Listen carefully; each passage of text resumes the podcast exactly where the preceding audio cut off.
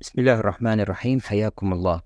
هذه الحلقة رقم 34 من بودكاست supply chain بالعربي. موضوع حلقة اليوم هو لماذا المنتج الصديق للبيئة أغلى آه، بشكل عام وما هي الحلول لتقليل كلفة هذه المنتجات حتى يزيد الطلب عليها. آه، بالبداية آه، توجد شركة استشارية اسمها كيرني هذه موقعها أو مقرها في هولندا. طلعت تقرير السنة الماضية سنة 2023 يذكر هذا التقرير أنه المعدل العام للفرق بين سعر المنتجات العادية والمنتجات الصديقة للبيئة هو آه، بحدود 75 إلى 85% سعر المنتجات الصديقة للبيئة أعلى من سعر المنتجات العادية.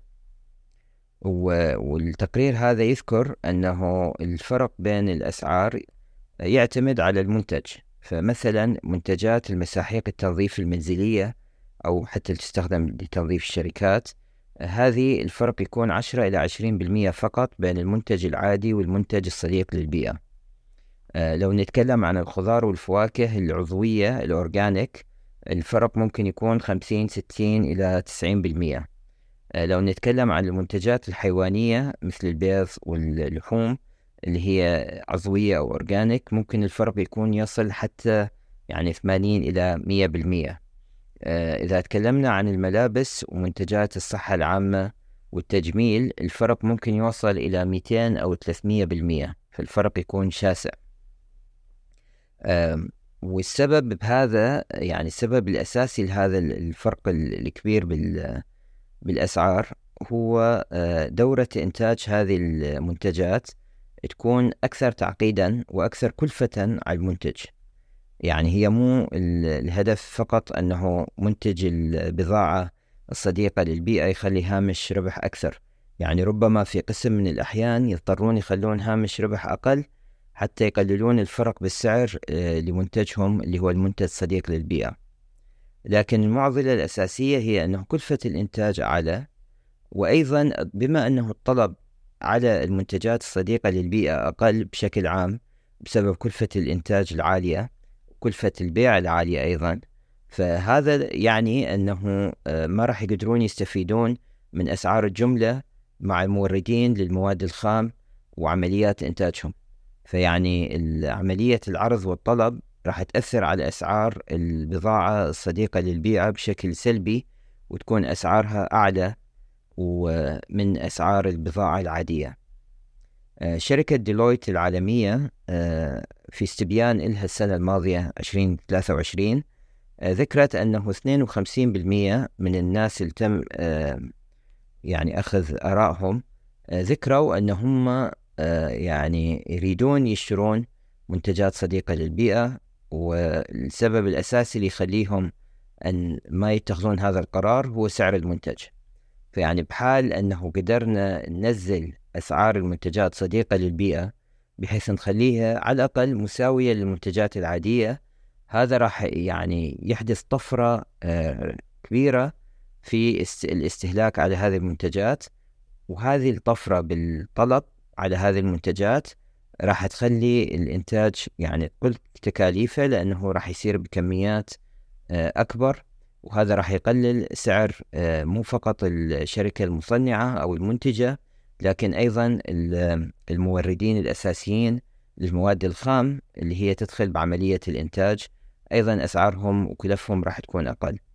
آه، يعني واحدة من الأشياء اللي أيضا ذكرها التقرير كارني أنه منتجات الملابس القطنية مثلا أيضا يوجد فرق شاسع بالسعر بين المنتج العادي والمنتج الصديق للبيئة. والسبب الرئيسي هو عملية إنتاج القطن وعملية التصنيع اللي هي بالنسبة للملابس العادية. تدخل فيها كثير من المواد اللي هي ربما ضارة للبيئة. في حين المنتج الصديق للبيئة يضطر أن يتجنب هذه المواد ويشتري مواد مختلفة بأسعار أكثر من أسعار المواد العادية.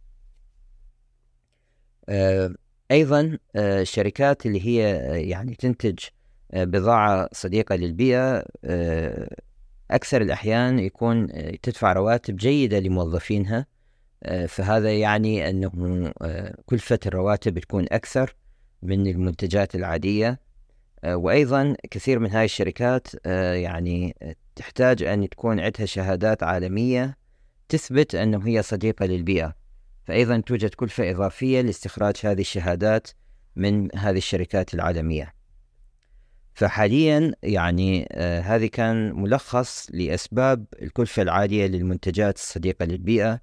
آه بالإضافة أنه هذه المنتجات أو الخدمات إحنا نتكلم مو فقط عن المنتجات خدمات أيضا مثل خدمات الشحن الصديقة للبيئة اللي هي مثلا تستخدم آه سيارات أو آه، شاحنات آه، تستخدم وقود نظيف.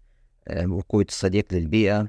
فأيضا يعني هذه الخدمات آه، تتطلب آه، في بعض الأحيان آه، وقود يكون بكلفة أعلى من الوقود العادي. فهذه هي أسباب زيادة الأسعار. حاليا لو نركز أنه عن طرق دعم هذه المنتجات بحيث يقل سعرها بالسوق. قبل كم سنة كان التركيز هو فقط أنه يعني شراء منتج صديق للبيئة هو فعل نبيل آه، ويجب على المستهلك أو الشركات أن تقوم به. لكن اليوم آه، خصوصا يعني في قسم من الأسواق العالمية المستهلك يركز بشكل كبير على سعر المنتج خصوصا مع يعني قسم من الظروف الاقتصادية. فإذا يعني الهدف الأساسي هو أنه إيجاد منتج صديق للبيئة بسعر مشابه للمنتج العادي هذه النقطة تكون هي نقطة التحول لزيادة الطلب والاستهلاك لهذه المنتجات. آه، فأحد الحلول الحل الأول هو عقد شركة شراكات طويلة الأمد بين المصنعين والشركات المستوردة لهذه المنتجات الصديقة للبيئة حتى تقل كلفة الإنتاج. يعني من يكون المصنع للبضاعة الصديقة للبيئة عنده رؤية بعيدة الأمد وعنده شراكة طويلة مع الشركات اللي تستورد هذه المنتجات وتسوقها بالأسواق المحلية. هذا راح يمكن هذه الشركات من الاستثمار أكثر من إعطاء نفس هذه الخطة لموردينهم للمواد الخام والتفاوض على أسعار آه، أفضل للمواد الخام. من ما يمكن هذه الشركات من إنتاج كميات أكبر بأسعار آه، أقل من الأسعار الموجودة حاليا. الهدف الثاني أو العلاج الثاني هو آه، تشجيع المنتج المحلي القريب. آه، أكيد المنتج المحلي القريب راح يكون كلفة الشحن وكلفة التخليص والجمارك أقل من المنتجات العالمية. لكن اليوم المعضلة هو أنه المنتج المحلي الطلب عليه قليل فلهذا سعره يكون عالي. فإذا قدرنا أيضا تكون شراكات مع المنتجين المحليين آه لإعطائهم يعني ضمانات لعقود شراء بعيدة المدى هذا راح يخلي المنتج المحلي يستطيع أنه يستثمر أكثر ويكون إنتاجه بكميات أكبر آه من ما يقلل آه سعر المنتج الصديق للبيئة. الحل الثالث هو الاستثمار المشترك joint venture. فتكون مساهمة برأس المال آه، بين الشركة الشركة أو الشركات المستوردة لهذا المنتج والشركات المصنعة لأنه كثير من هاي الشركات المصنعة هي شركات صغيرة وبصعوبة تتحمل آه، تكاليف الأولية ل آه، يعني لإنتاج منتج صديق للبيئة بشكل كامل. يعني كثير من عدها تحتاج تستخدم طاقة نظيفة تستخدم منتجات آه، تم إعادة تدويرها ريسايكلينج آه، فهذه العمليات كلها تتطلب يعني رأس مال بالبداية واستثمار كبير.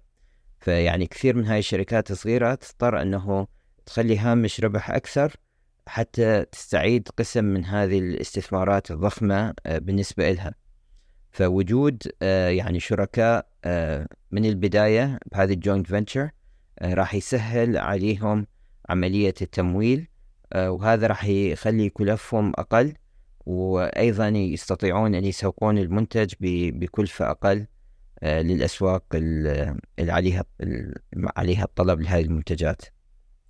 النقطة الرابعة هي آه، تحسين جودة هذه المنتجات بحيث تدوم لفترة أطول من المنتجات العادية.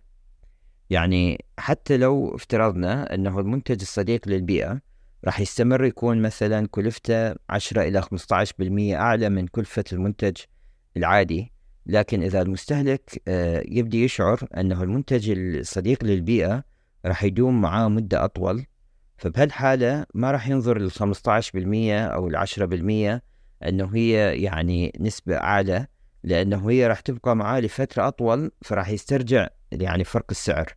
ونفس الشيء طبعا بالنسبة للشركات اللي تشتري منتجات صديقة للبيئة.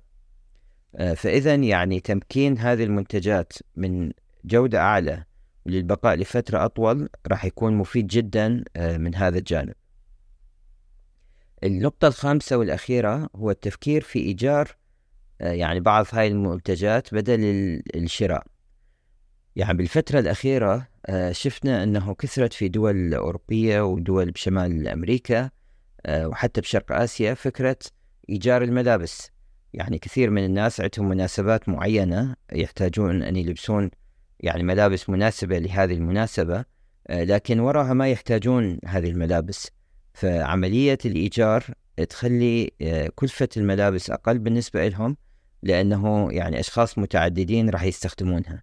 أيضا فيما يتعلق مثلا بالأجهزة الإلكترونية آه، في قسم من الأجهزة اللي هي تستخدم في عمليات يعني البناء والإنتاج بالنسبة للشركات. أيضا إذا هذه البضاعة يكون يعني آه، الطلب عليها لفترة قصيرة وممكن استخدامها بالمستقبل آه، من شركات ثانية عبر عمليات إيجار. فأيضا راح يقلل كلفتها ويكثر الطلب على هذه المنتجات اللي هي صديقة للبيئة لكن موجودة بكلف آه، معقولة بالنسبة للمستهلك. يعني خلاصة القول أظن أنه التركيز فقط أنه شراء بضاعة صديقة للبيئة هو فعل نبيل. هذا شيء جيد طبعا وأكيد لازم نغرسه في الأطفال وفي نظام التعليم آه، لكن آه، ما دام يبقى فرق السعر عالي فراح يكون من الصعب تسويق هذه المنتجات. إلى أن آه، نجد حلول تقلل من هذا الفرق أو في أفضل الأحوال أنه تخلي السعر يكون تقريبا مشابه لسعر المواد العادية. في الختام أحب أذكر أنه بودكاست سبلاي تشين بالعربي موجود على الموقع الرسمي اللي هو بودكاست supply chain بالعربي dot com وأيضا على منصات Apple Podcast أنغامي Deezer Spotify تيك توك ويوتيوب. شكرا لحسن الإصغاء وإلى حلقة قادمة إن شاء الله.